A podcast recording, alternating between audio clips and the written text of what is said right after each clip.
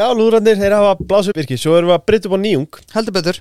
Við erum búin að vera að halda skákmót sem hafa gengið fárlega vel. Mm En við ætlum að spreita okkur á, á hérna, pubquizi Heldur betur Og ég held að þetta gæti orðið mjög skemmtilegt Algjörlega, og þetta er með góðunum okkar í Arena Já, gaman að koma þarna Fá sér nokkra kalda Við verðum með bjórspurningu Einmitt, við erum með bjórspöndingu, þetta er líka á 50. kvöldi Þannig að það verður alveg alveg stemmingarna Já, og, og í, í guðana bænum hérna, reynum að tróðfylla þetta hús Af því Við Algjörlega. ætlum að leggja mikið metna í þetta og okkur langar að sjá sem flesta Þetta er 50. kvöldi 9.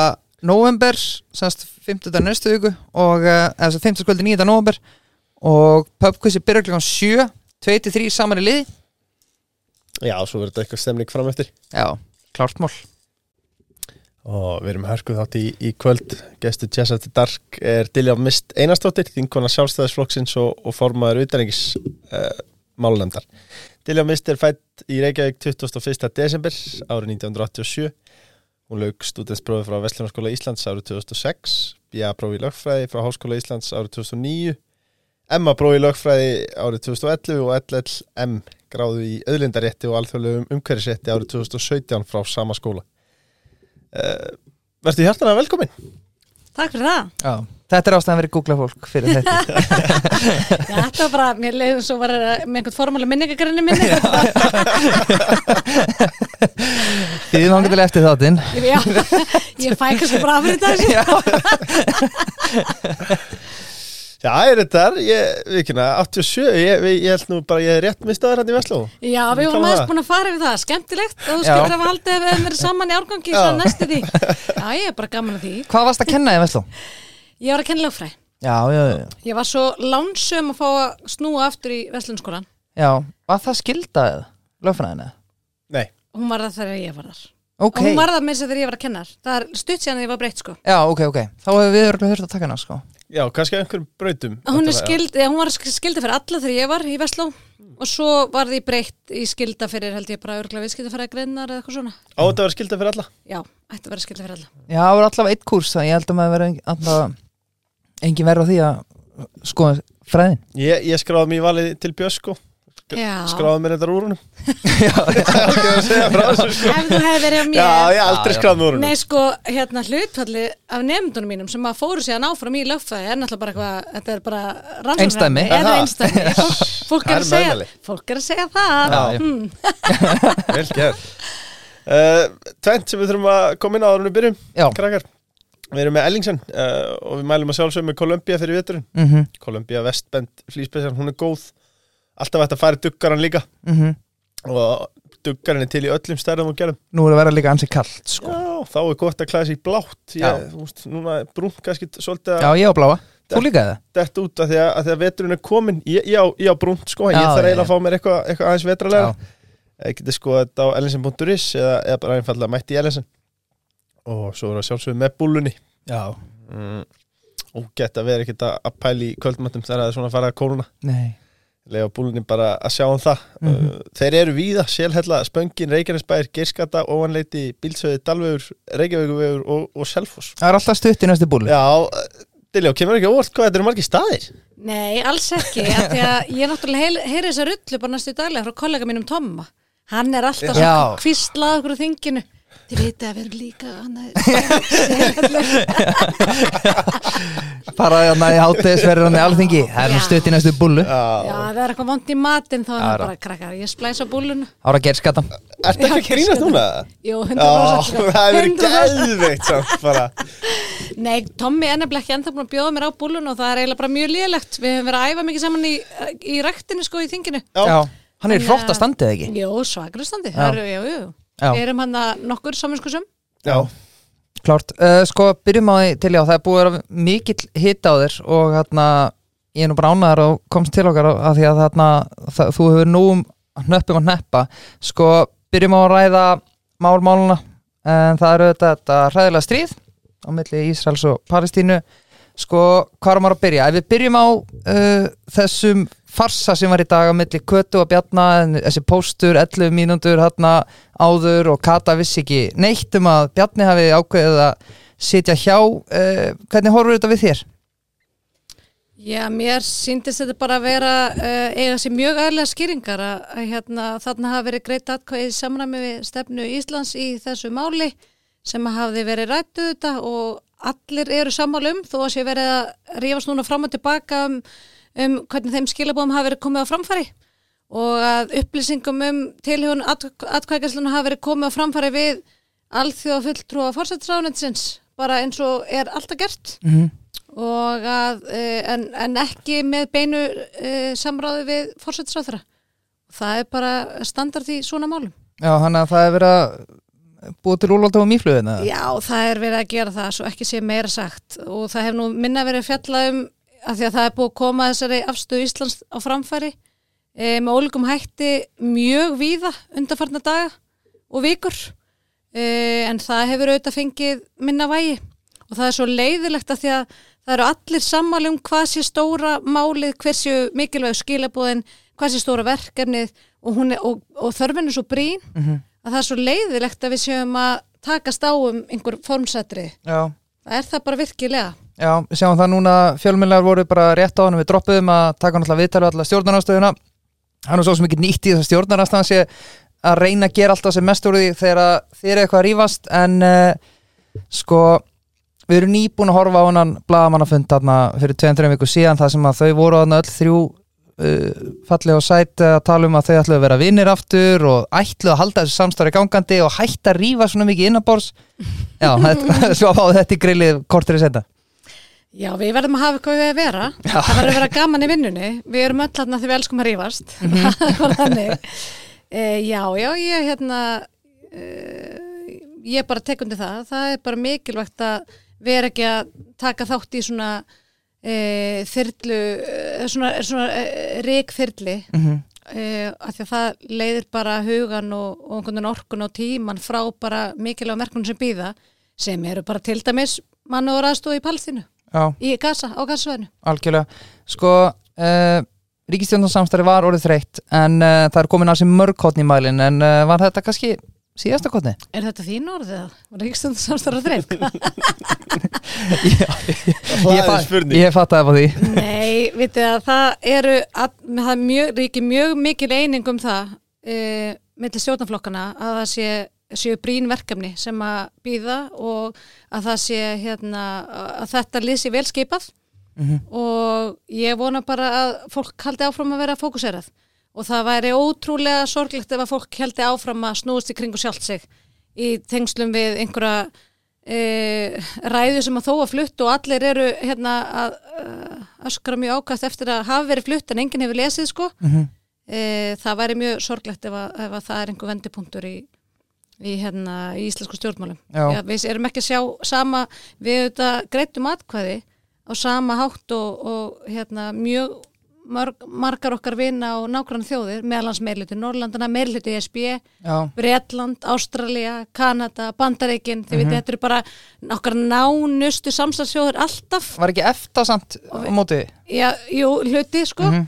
Þannig að við hérna uh, eftir, eftir að breytinga til að Kanada var fælt þar sem Einmitt. allir öll líkt þengið reiki allir, allir, allar okkar vinna þjóður voru sam, samstíga mm -hmm. þá svona kom fólk ríkis þess að skilabóðum svona með aðeins öðruvísi mismönda hætti á framfæri kannski mm -hmm. við vonum þarna samt í liði með uh, hópum okkur saman með og gerðum með sama hætti og flestir sem við berum okkur mjög gerðan saman við og það er ekki svona mikið læti í þeim löndum fólki held ég finnst almennt skipta mestu máli auðvitað að það sé ráðast í þessi verkefni mm -hmm. það sé hérna þessari mann og að maður þessi manna og raðst og sé tæk og til taks og það sé nógu miklu í hana varð þegar loksins að það verður hægt að veitana og það er kappi sem fólk er leggja á þó að séu þetta á sama tíma alveg gríðarlega mikilvægt á þessum vettvangi að senda skýr skilabóðu varðandi þessa tilteknu hriðverkáras.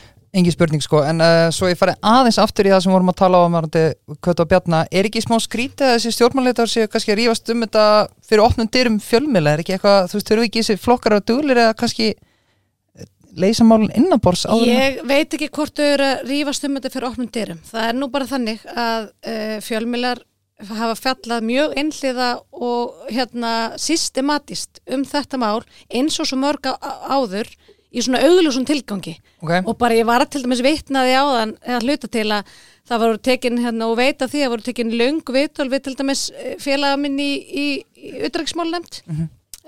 sem að voru síðan ekkert byrt eða ekkert úr þeim og varð ekkert úr því að því að, að, því að hérna, það einhvern veginn passaði ekki inn í þessa frétta hreinu sko Einmitt, sem narratífið. hefur bara ákveðin narratífið sem hefur bara ákveðin tón.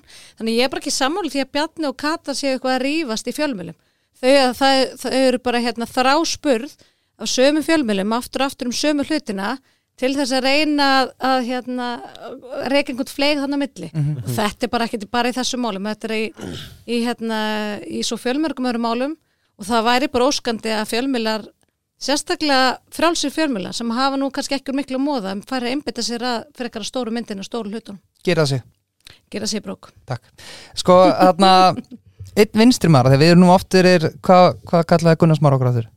Nýfrjálsíkju Nöttara. Sko, til hamngjum það, Takk fyrir það. Gæða stimpill frá. Gunnar Smára vinnu mínum. Já, við erum, úst, er, er, er, við erum búin að gera allt og marga þætt til þess að fá ekki á okkur meiri hita sko. það var eiginlega komin tíma á þetta, Tökum sko. smá grilli fagnandi sko. Ég get gefið eitthvað mjög góð ráð sko. Ég þarf að senda á því, hann er því að hann var að koma eftir Já. tvo þætti Það verður- það skemmtilegt. Verður það ekki hérna fyrstu að því að þið eru svo spennti fyrir að hafa tvo? Já, Já, við Gunnar Smára, við varum góð Ég held að það væri til dæmis Já. blasi við, ykkur vanda konur í þáttinn. Sannarlega. Já, klárlega. Uh, Sko, en ég ætlaði að fara að segja það ástæðan fyrir að byrja að tala um þetta er að því að einn af mínum uppáhalds vinstir alþykismönnum er uh, kongurinn Jóhann Páll í samfélgíkunni mér, mér finnst hann ansi góður, sko. Hann hendir hérna í, sko, annarkvortið þingflokkur aðeinar ríkistjónarsamstári og stiður þá utaríkistefnum sem ríkistjóður ekkur eða ekki og þá er ríkistjótt sprungin. Flóknar er það ekki. Er hann ekki búin að lesa þetta þannig? Já, já, þið finnst það. Ég er enda sammála því. Ég er mjög ána oft með Jóhann Pála, ekki sí- síst þegar við erum hérna saman í rektinni eða borðið eða gera eitthvað mjög ópólitist, sko. Þá er ég rosalega ána með hann. Bara mjög geðþökkur og, og góðu kollegi. En nei, af því að það er bara ekki um það að ræða að þarna sé eitthvað ósamræmi eða hérna, ósamrýmanleg utrækistefna millir flokka. Heldur greinir þá einfallega um með hvað hætti hefði verið best að koma inn á framfæri. Mm Og þetta er svo mikill stormur í vasklasi Já þegar að vera hérna, að ræða um þetta með þessum hætti. mm Sko, þannig að þetta er eiginlega bara já, þannig að þú ert bara hjartalega sammála ákvöru bjarna að sitja þarna hjá Ég var hjartanlega samanlega. Já, Hvernig er að vera með sett bara að því að þegar ég er í vinnu þá erum við allar á í sömu átt sko já, bara að bæta lánsaðismat einstaklingin eldur og fyrirtækja uh, hvernig er að vera í vinninu með fólki þar sem eru bara að takast á og svo farið bara í, í lönn saman og hvernig gengur að kúpla sig út Já, sko, við erum náttúrulega, teljum okkur öll vera róið sömu átt. Vi, við erum öll aðna að að við heldum að við séum að gera svo gott fyrir samfélagið. Mhm.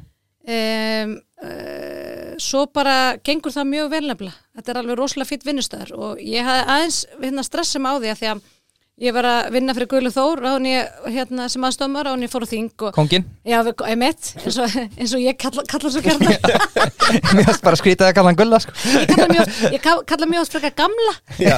en ég er bara að segja þetta nú, nú til stríðanum nei og hann hafði nefnilega var búin að segja mig frá því sko að það hefði súrnað svo hryllilega stemmingin í kringum hrjön á milli Já. flokka að fyrir það það hefði allir verið svo fínir vinir og fínir kollegar Mhm. og síðan í kringum hrjönni þá var svo, svo rosalega blokkir, svona flokkablokkir og leðileg stemming og hún hefði ekki svona fyllilega náð sér. En hann er náttúrulega búin að vera mikið, að miklu letin til ráðherra og kannski finnur þetta ekki með jafn svona skýrum hætt og ég. Mér finnst þetta bara frábæra vinstar. Já. mér finnst hérna og ég segi uh, gerðan frá því að, að það sem að fólk sér í þáttum eða uh, sjómarpunni þegar að horfa á alþingisásuna það er ókslega margir sem að horfa það, það er alveg förðulega margir sko, er Fleiri þúsund, það. sko, hverju sinni. Að þeir eru bara að sjá svona típisk gestalæti Já. það er ekki gestalæti í þingmannum sko. Þeir eru, það er alltaf bara sjó sko. Svo þegar myndavaldar að fara þar af þá verðu öll bestu vinnir Ég segi kannski ekki bestu vinni, við erum auðvitað bara eins og öllum öðrum vinnustöðum, Mhm. þá er bara auðvitað pössum við misvel saman, en fólk er bara almennt mjög kurtist Mhm. og, og hérna, og auðvitað þegar það er mjög þjætt seti í matsalum, þá oft situr fólk í svona flokkahópum, svona sirka, Já, en þess á milli þá bara er það alls konar, svo auðvitað tökum við þátt í alls konar við hérna ferðum saman og maður er bara mjög heppin með marga vinnufélag. já Mögulega samt hefur notið góðsæði að þú er alltaf verið í stjórnar meiri hluta Kannski er þetta leiðilega í stjórnar anstöðu Mm, já, ég uh, skal ekki segja, ég hef ekki prófað það, en Nei. það er auðvitað samt öðruvísi. Þú, þú getur, ég held að vinnan sé öðruvísi skemmtileg þá því að þú getur leftir svo miklu meira Já, því að hérna minni ábyrð Já, auðvitað ber allir á endingu ábyrða sjálfum sér hérna og gækvart kjósendum sko í þinginu. En veist, það er ekki það eru auðvitað ákveðna línur sem að fólk kemur sér saman um ekki síst í svona þryggja flokka samstarfi, það sem er alveg rosalega langt á milli fólks, þá er fólk búið komið sér saman um ákveðin mál og reynir auðvitað að halda friðin eftir fremsta megni e, kannski ekki, ekki til þess að vera henda í einhverja áleiktun Nei, nei, nei, nei. áleiktun þingflokka. Nei, ég segi svona. Nei, en hérna e, þannig að það er öðruvísi þú eru til stjórnarnarstöð getur, og þau, ef þið fylgist með aðkvæðgæslu með sjá einhvern veginn skiptinguna þau Já, þá er náttúrulega stjórnarmeiri hlutin greiðir yfir, yfirleitt alltaf nákvæmleins bara, mm -hmm. já eða nei. Það er bara mjög algengt sko. Á meðan það er kannski alls konar variasjónir hjá stjórnarnarstöðinni klálega. Mér finnst bara eitthvað svo romantist líka við það að halda einhverja eldraði í pontu og og labba sér niður bara, segjum að Bjarni hefur verið að rauna yfir eitthvað og setjast síðan bara hjá einhver svæland og þau eru bara eitthvað að grínast skilur, bara að draga leikundum Fannst þér ekki fyndi að vera hraunið við á hann? Eitthvað þannig kannski ekki fyrir það, er kannski, veist- það er kannski minna ráþörnir eru náttúrulega kannski meira svona koma að fara. Já, já, þetta er náttúrulega meira kannski hérna svona, já, en svo, já, svo björn fólk með semlega gæra gert sko. Já, einmitt, eða bara eða þú að úga sig bara í jóni eftir, Já, já, já, bara fara bara hlaupa brettið og já, einmitt tala um hvað bara, við erum í geggjustandi og einmitt, já, akkurat. Uh, Örstuðt, við verðum aðeins að halda áfram að tala um stríðið af því að ég er samt mjög ólíklegt að við náum að leysa þessar deilur hér inni þó við getum gert ef ímislegt einhverjir samt. Já. Ef einhverjir, ekki- ég ætla ekki útdraga að því mér langar bara að skilja að þjóðast stormur í vansklasi, mörg ríki sem að, eh, sem að kusu nákvæmlega eins og við uh, hvað er það semst, af hverju erum við ekki sammálaði að semst, að kakkarinn þetta og semst, kjósa með þessari ályktun? Já, þú sagðir sko aðeins aftur í þetta en þetta er kannski hérna, þetta er kannski aðeins lengri skýring sko. Já, það kemur hérna, það hefur allsverðingi hefur ekki álíktað en þá um frá hriðverk árusunni 7. oktober sem að þetta reyndur þessar atbyrður á svo stað þá hefur allsverðingi ekki álíktað e, og núna kemur þingi fyrir saman og það kemur hérna fram álíktun frá Jórdaníu fyrir höndi Arabahópsins sem er bara mjög fín álíktun að mörguleiti, hún er bara, tek, veist, bara svona bara hérna tekur ágætlega á þessum þessu ástandi sem er þarna fyrir botnum meðrahafs Uh, en þar er ekki svona uh, með beinum hætti tekið á hriðjuverk áras Hamas á hendur Ísælsíkis uh, og ekki heldur beinlins á þeirri gíslatöku sem að nú stendur yfir þar sem að yfir 200 manns eru haldið og þar af yfir 30 börn. Og þar sem að og það vantar svona tilfinnanlega í álíktununa þannig að Kanada gerir breytingatilu þar sem að bara stutt um kapla þar sem að þetta tvent er ávarpað bara hérna hriðurka árás Hamas á þessum degi, hún er fordæmt og svo hins vegar e, þessi gíslataka sérstaklega á, ávarpuð og krafa um að gíslunum sé að sé farið mannúlega með það og þeim sem skila tafarlust og þetta þykir mann auðvitað hljóma bara eins og eðlu málfylgningu sem að hvað Já. þú getur tekið undir. En nema hvað, þarna teiknast, teiknast auðvitað upp skýrustu línurnar. Þarna kjósa 90 ríki með þessari breytingatilegu 90 ríki. Þar af allir í ESB öll Norðurlöndin Bretland, Ástralega, Japan Kanada, allar, þið veitir bara öll hérna, þessi líðræðisríki sem við erum gerðnan í, í hérna, hópum okkur saman með, þau kjósa öll eins. En hver er blokkara síðan N- hafna þessu og endingu verða um, þess valdandi að, að það er ekki hægt að breyta uh, komast að samkomulega um þessa breytingu? Hva, hvað ríki skildi það nú vera? Það eru ríki sem við ekkert viljum ekkert endilega vera samsam okkur með ríki eins og til dæmis Rússland og Norður Kórea og fleiri. E, þannig að e, e, og, og þegar það er ljóst og er ljóst að það er ekki næst ekki samstæða um þessa e, breytingatilögu sem að inniber þá álíktununa eins og hún kom frá Jórdaníu og með þessari viðbót. Þá fara ríki að ráða ráðum sínum hvernig ætla, þau ætla þá að afgreða þetta heildar mál og þau gera það þá ímist okkar líkt tengandi ríki, okkar vina, vina þjóður og nokkur þjóður, þau ímist þá kjósa með og fara sér upp í atkvæðskýringu til að ítrekka þetta, þessi mikilvæg skilabóð með varðandi gíslatökuna og varðandi hriðurk áras Hamas eða eins og við gerðum og flesta Norrlanda þjóður, flesta ESB þjóður og svo framvegis e, að við sátum hjá en fórum upp í atkvæðskýringu og, og fórum yfir það að við tækjum undir efni áldunar en við hefðum bara vilja breytinga til að hann hefði verið með. E, hvort heldur sem er er óbindandi. Þetta er óbindandi álættun, þetta er ekki eins og ákveðinu öryggisrásins okay. þetta er óbindandi álættun þannig að pólitísk skilabóð Íslands stefna Íslands, hún er bara nákvæmlega svo sama. En það þótti ekki bara verið tækt að gefa afstatt á því að þessi óforskömmuðu ríki hefðu blokkerað og blokkerað þennan teksta sem okkur finnst auðvitað óskilinlegt, við getum e- ekki skilið okkur það er, nema auðvitað við sjáum að það eru auðvitað hérna, pólitískur ásetningur e, í því, fólkin í því mm -hmm. og, og, og auðvitað tókst þeim til, hérna bara vel til, auðvitað reyka þeir einhvern veginn fleig á milli einhverja bandalastjóða með þessu og, og valda einhverju fjarafóki sem ekki hefði átt að vera hægt að valda. Nei, sko við sjáum það að, við erum að fá ímsar upplýsingar í gegnum fjölmjöla og kannski eins og Diljónetnir hérlendis mjögulega e, smá innhliða uh, sko, en það er samt líkur held ég, erum við ekki öll sammála um það veist, að hlutfalli á semst, mótni lá, látnir hjá Palestínu móti lá, látnir hjá Ísrael er já, það er ekki Ísrael í hag. En semst, það er að segja að, veist, að það er þetta lítir ekki sérstaklega vel út fyrir Ísrael og bendir einhvern veginn til þess að þeir hafa kannski farið off-forsi Já, já, það verðist vera orðið ljósta og það er ekki fyrsta sinn. Mm -hmm. e, hriðjuverk palestinskur hriðjuverkahópar hafa framið hriðjuverk e, gagvart Ísæl í 50 ár í yfir 50 ár. Og e, það og hérna og vítarhingurinn er cirka bátt svona, það eru framið hriðjuverk Ísæl að svara af miklu offorsi e, og oftalega hryllilega harkalega. Mm -hmm og fara langt fram úr því sem að hérna, alþjóðleg segja til um varandi sjálfs, uh, sjálfsvonarett uh, þjóða uh -huh.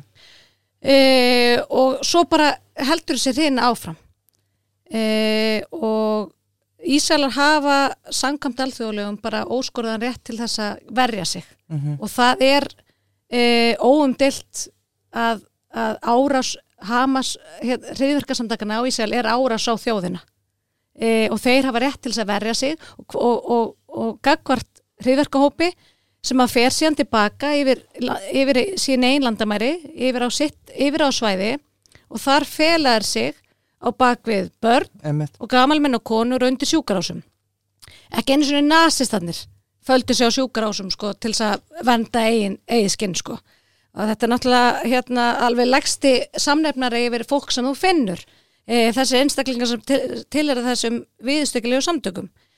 E, og þetta er auðvitað mjög flókið og erfitt verkefni og erfitt viðregnar og mjög, mjög umdelt Ísæls megin. Þetta er mjög umdelt aðgerð með Ísæl mm -hmm. og þeir eru margir hverju mjög reyðir yfir þessu.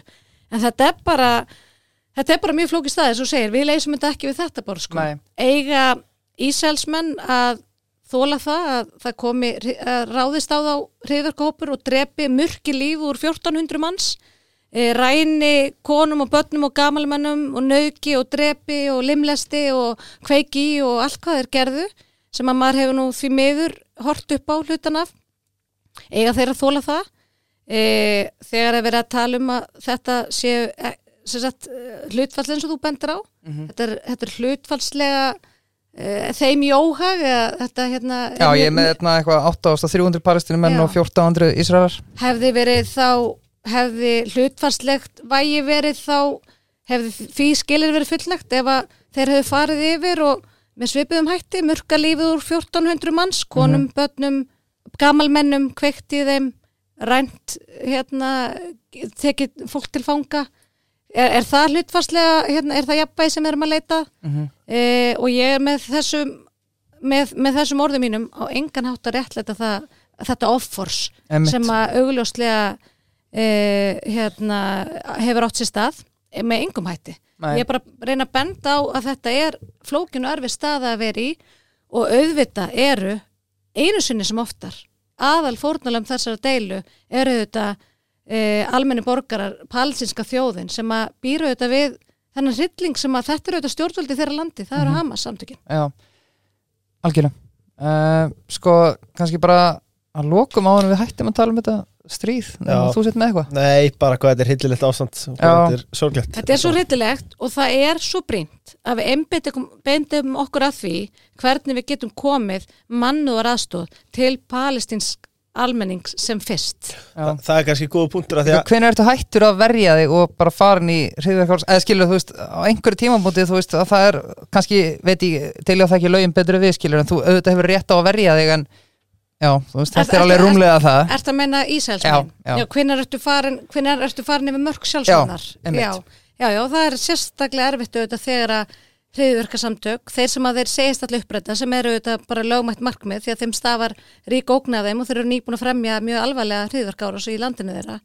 E, en þegar þeir síðan fela sig undir sjúkrahúsum og, og nota lítil börn sem mannlega skildi þá verður verkefnið alveg svakalega flókið. En ámaður að drepa hriðverkamenn sem er að fela sér baka sjúkra á sjáböndum eða þú veist, skilur þú mennir en ekki bara tala þá til Já, það, ég, ég, Ég gerir mig grein fyrir að það sé erfitt líka en ég bara, e, e, ef, að, ef að það er verið að leggja það til að Ísraelsmenn leggja bara hérna, alfar niður vopn og býði bara eftir því sem koma skal þá er það auðvitað yfirlist markmið Hamas-samtakana og reyndar fleiri vondra nágranna Ísraelsmanna að eyða Ísraelsríki já, og gyðingum. já Þannig að ég er ekki vissum að við séum að leggja það til við þá ef það mun ekki vera okkar framlag einhverjum, einhverjum friðar e, uppleggi. Einmitt, þetta er auðvitað bara mjög flókin staða og hérna erfið eh, en, en, og, og, og dilni, eða sko þá er bara freistandi næst í að stinga höfðin í sandin og bara einbytta sér að einhverju hérna, einanlands og vera ekki að pæla í þessu hvað getur maður gert Diljá? eins og að því þú aðeins að koma inn á hvað er það sem maður getur gert Í-? Í, í, við, við svona aðstæður. Já, Já, við auðvitað höfum, á, Palestína er auðvitað e, eitt að fáum löndum að því við erum náttúrulega ekki eins og við veitum, við erum ekki mjög stórtæk, við erum ekki mjög, hérna, við erum, ekki, við erum smáþjóð. Og Palestína er eitt af okkar svona fáu e, samstars og áherslu löndum í þróunasaminu og við verjum miklum fjár- fjármunum svona hlutfastlega með okkur og með okkar framlag verjum við miklum fjármunum í Palestínu e, þannig að það er það sem við getum helst gert. Við getum auðvitað og munum halda áfram og höfum alltaf talað fyrir tveggjur ekki laust, við höfum talað fyrir friði hvað er stillingar e, og auðvitað verið svona listi yfir óanægu með það hvað báðir aðilar eru langt frá því að vilja tala saman, hvað er svona pólitísk vöndun á einhvern veginn eh, á, hérna, á því að fólk vilji koma sér saman um einhverja, einhverju laust kannski til að bara bæta spurninguna þetta var góð spurninga Leifur, þú veist, hvað er þetta að gera þú veist, sjáum við einhverja laust í auksin og þú veist, hvernig er þetta, þetta er að spyrja þetta Lilja, hvernig þetta er að fara að enda en þú veist, þetta er búið að vera í gangi svo mörg mörg ár. Er einhver, er einhver ljós við enda gangana? En ég, maður er ekkert svakalega björnsinn og það á ekkert bara við um, um þannan heimsluta auðvitað, því að það er auðvitað að teknast upp. Og það væri bara mjög frólægt fyrir ykkur að skoða þessa mynda á þessar atkvæðagreyslu að skoða atkvæðagreisluna um breytingatilögu Kanada hvaða ríki þar stóðu saman hvernig ríki kusu hvaða línur voru þar að teknast upp? Því að við vitum það auðvitað að átökin fyrir botni meðarhafs personur leikundur eru ekki bara Ísraelsmenn og, og Hamasamtökin eða palsinska þjóðin. Þar eru auðvitað stærri og, og, og hérna, myrkar öll sem að vofa þarna yfir. E, öksulveldi hins illa. Ég var nú að skrifa um þetta grein í, í morgublaðið nýla og þetta tegir ánga sína víða e, og böndin auðvitað beinast að Íran. E, nú eru ríki heims auðvitað velta fyrir sér alvarlega svona þessu ófriðar hlutverki sem þeir eru að gegna. Þeir eru bara espa þjóður upp allt í, allt í kringu sig. E, þeir eru náttúrulega terrorisera sinna eigin þjóð. E, Líbanon, Jemen e, hérna inn í, í Ísrael. E, jafnvel hægt að tegja allarleið til Úkrænu sko. Og, það, og svo eru bara, þú veist þessar bara vestu leikendur heims í alþjóðsamfélaginu einhvern veginn að byrta myndir af sér haldandi hönd í hönd og, og plotta bara einhver ræðilega hluti. Og við getum ekkert lokað augunum fyrir því. Og á meðan við erum að þrátta um orðalag og, og þetta og hitt verandi þó sammál um það við erum bara hérna, við viljum hérna, standa með og fyrir alþjóðalög við viljum tala fyrir friði, við viljum hérna, tala fyrir mannúrastóð og við viljum hérna, okkar framlag er bara sem hérna, ábyrg, ábyrgs líðræðisríkis við erum alveg mjög skýr með okkar sín og okkar, okkar nákvæmlega vinna þjóð líka að þá er þetta að gerast og það er ekkert eitthvað, það er ekki út af því að ég horfði svo mikið á Sopranos og er bara uppfyllað einhverjum samsæliskenningum, nei.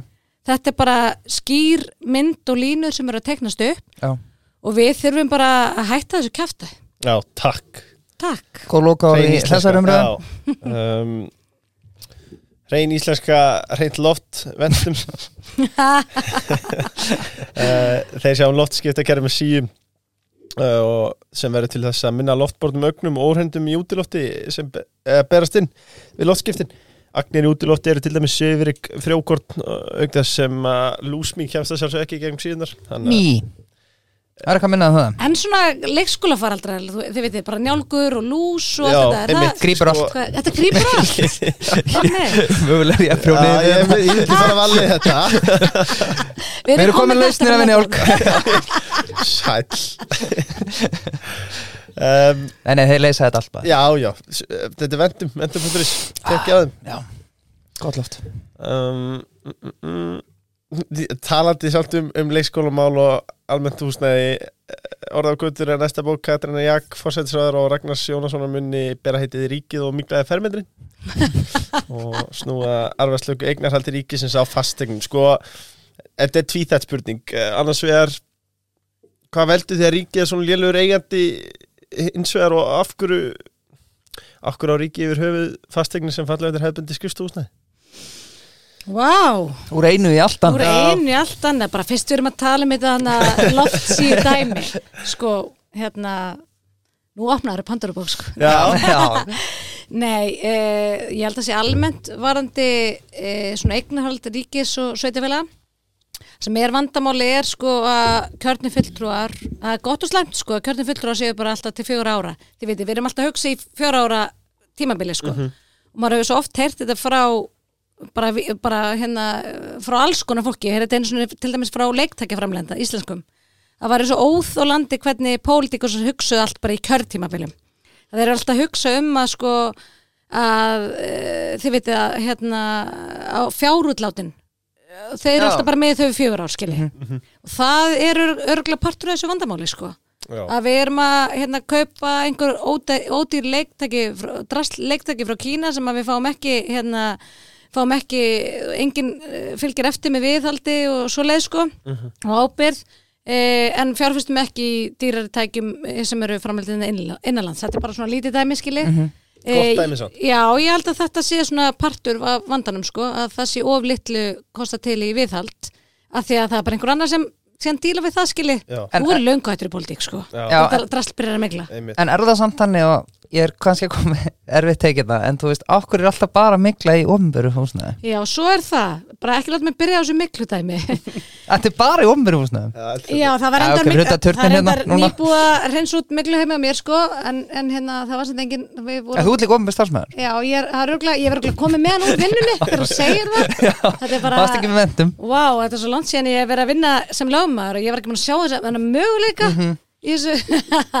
Nei, eh, ég Ég, ég hef nú aðeins verið að þessu og reynda fleiri þingmenn, Haldur á Móensen hefur aðeins verið að skoða þessi miklu mál, veit ég á þinginu og hérna, það er náttúrulega, það virðist vera orðið þannig að uh, ef að þú hérna sér einhvern svartablett eða hérna bólgu í húsinu, eða sérst í húsnæði og þú kallar eftir mannskíslu að þá hún er alltaf að fara að segja að það þurfa að kveiki húsinu sko Já. og, bara, og, og ég er svona, ef aðeins verið að Mhm. velta þessu fyrir mér að því að þeir sem að eh, síðan eru við stjórnvölin. Þeir eiga ekkert marga kosta völ heldur en að bara gera það sko, bara rífa allt niður og bara byrja frá grunni og, og þú veist, hérna kalla til særingamann og allt þetta sem það er að gera sko. Uh, af því að bara fólk, þú veist, hérna er mjög viðkvæmt, þetta er náttúrulega búið, þessi, er búið svakalega umræð um þetta. Mhm. og einhverju virðast hafa þróa með sér alveg sérstaklega, sérstaklega viðkvæmni fyrir miklu e, þannig að þetta eins og því að bara orðið var við, þetta er náttúrulega mjög mikið svona hæp í samfélaginu.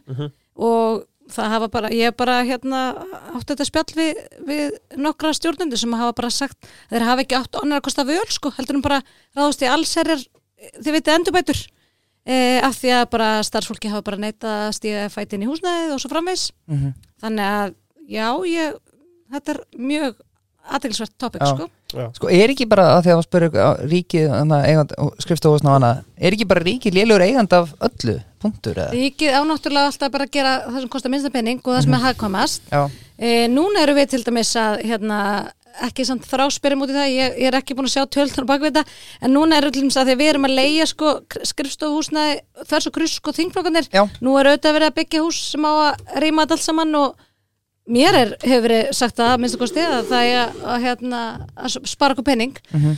við þurfum auðvitað minna í einhverjum tilvikum er lítur að vera uh, hagkvæmara að eiga húsnæði og öðrum að leiða það eða hópa sér saman og svo er auðvitað bara hérna svona uh, yfir uh, fjárfesting í, í skrifstóhúsnæði að lítur að vera aðeins, aðeins að hérna minga af því að uh, hvað segir maður, vinnu, vennur fólks hafa breyst svo mikið Einmitt. eftir COVID, ég meina mér finnst bara svo margir í kringum mig ekkert vera alltaf í vinnunni skilji Nei.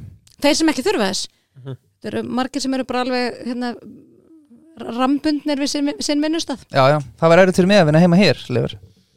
Já, ég Það var þetta allt sko Við vorum dæmi- samt að- dæmi um við það. vorum samt að tala með áðan að taka upp hérna podcast á gullöldinni og Já, já, einmitt, einmitt Taldu það lengi menn, þeir segja sko Við vitum að Diljá er fjölnismannskja Hún er fjölniskona, mikið leiki já. En með hvað liði heldur í enska? E, ég á engra annar kostafögul heldur en að segja Liverpool. Já, ok. Ég er púlari, Já, ég er bara, ég er bara alveg þannig upp á manninu mínum. Já. Ok, það var bara eitt af því fyrsta sem hann gaf mér var Liverpool búningur, ekki verið mikið notaður hann var í badnastar og hérna, af vilsum ástæðum. Já, Eh, en já, ég, ég er púlari en ég er líka sko ég á rætur við það ég, veit að, hérna, ég er líka framari sko. Já, ok. Já, ég er nefnilega verið í Altumennskóla og pappi minn er einn harðasti framari landsins. Mm eh, og ég var alltaf bara í, þegar ég var úlingur í sjoppunni fyrir fram sko. Já, já, þannig að ég er líka mikill framari. Já. Hver, hver er þín íþrótt? ég er eh, með rosa lélega rýmisgreind og á almennt ekki mjög mikill íþróttamæður eh, hef ekki mikla svona burði til þess en ég hleyp svolítið. Ok, og svo bara æfi ég mikið. Já. Já. Ég er að æfa í svona lítildi stöð sem heitir Formið og sem er svona líka halvpartinn smá kolt ok, Ok. eins og, eins og litlu stöð var verða oft sko. e, þannig að ég er bara, já, ég er bara svona Gott að vinna svona litlu stöðum að því að þá líka það tekja eftir og mætir ekki, en það ekki Jú, jú, jú, jú, jú, ég er bara 100% þannig sko, við erum bara mikið svona félstætt aðald Já, og já, og svo bara já, bara góður svona andi og góður félskapur já. Hver er svolítið æfingi? ég held að sé bara hlaup sko. Já. en ég er alveg brjálæslega spjærhætt Aha, Ég er rosalega spjærhætt og þess vegna ég var alltaf að æfa sko, ég er nú búin að æfa lengi ég var alltaf að æfa í báðsunu, alltaf bara með konum og annars vegar að því að er svo spjærhætt og hins vegar að því að kallmenn eru óþórandi rektinni e, Annars vegar, já. já, anna, já að því að hva, úst, af hverju er svo mikið læti í kallmennum í rekt það er Er galið, já það er svo mikið læti, mér er alltaf öskrandi.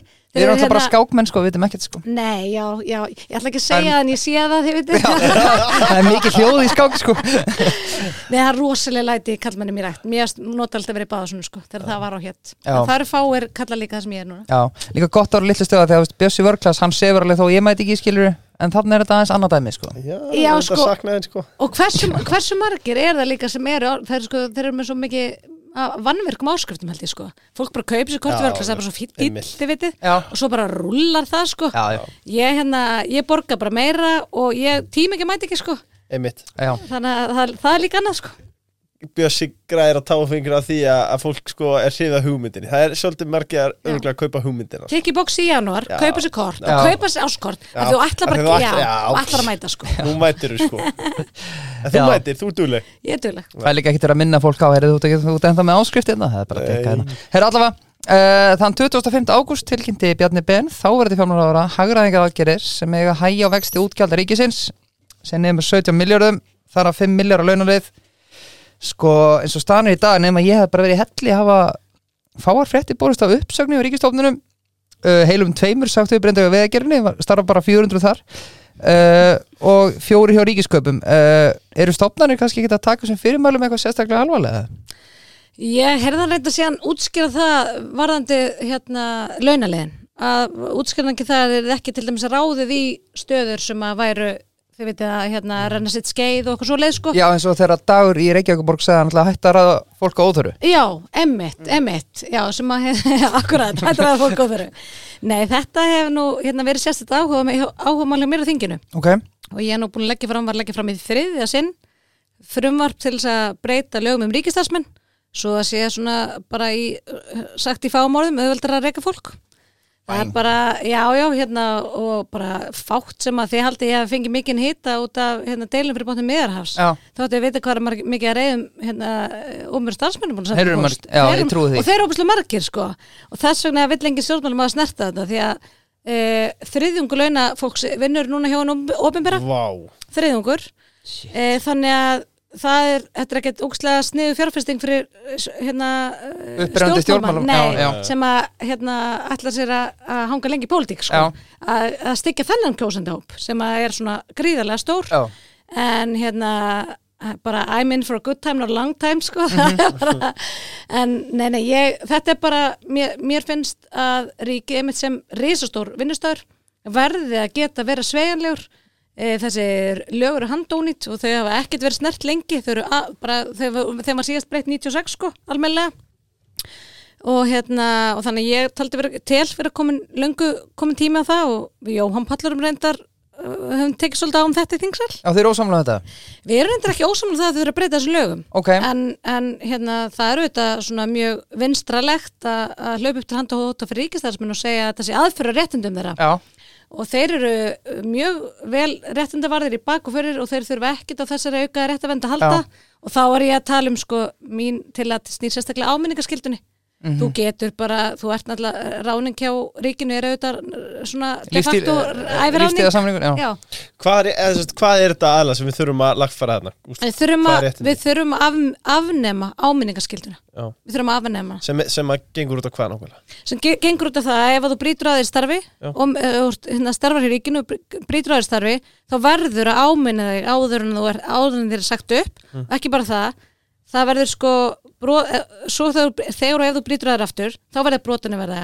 eðlislík. Já, Það verður að vera innan ákveðins tímaramma, þið vitið. Já, Þannig að hérna, ef þú mæti fullur í vinnuna þá verður síðan að gera það aftur sko, ef þú síðan kemversla áreitir einhvern þá er það eitthvað annað skilji. Mhm. og veist þetta er svona, bara ég er að taka svona ykt dæmi Já, já, en það er og síðan bara hérna ég meina að fólk ræður sig kannski einhver, einhvern vinnustaf þegar 25 ára, það er ekkert víst að það hendi á þar vinnustaf 40, þú veist, 5 ára síðan skilji, 20 Einmitt. ára síðar. Já, og þá er óbærslega harkalegt einhvern, einhvern veginn gagvart fólki sem er einhvern veginn búið að vaksa frá vinnustanum sínum eða vinnan hefur breyst eða einhverju breytingar orðið þannig að þú kannski fyttir að gefa vel inn að áminna þig eins og þú hefur gert eitthvað af þér skilji. Það verður bara að vera hægt að segja fólki eða er ekki lengur not fyrir það á vinnustanum og þetta er auðvitað mikill minni hluti auðvitað ofnverð starfsmanna. Ég, þetta er engin blammering og þetta auðvitað bitnar mest á þeim sjálfum sko, á umhverfinu. klárt. Er ekki að segja upp starfsmanni nema áminnan fyrst? Nei, Sama er ríkistarfsmanni, nei. bara áminning fyrir að vera ekki starfinu já, vaks já, bara heyrðu, þú ert bara hérna, hættur að mæti vinnuna og hérna,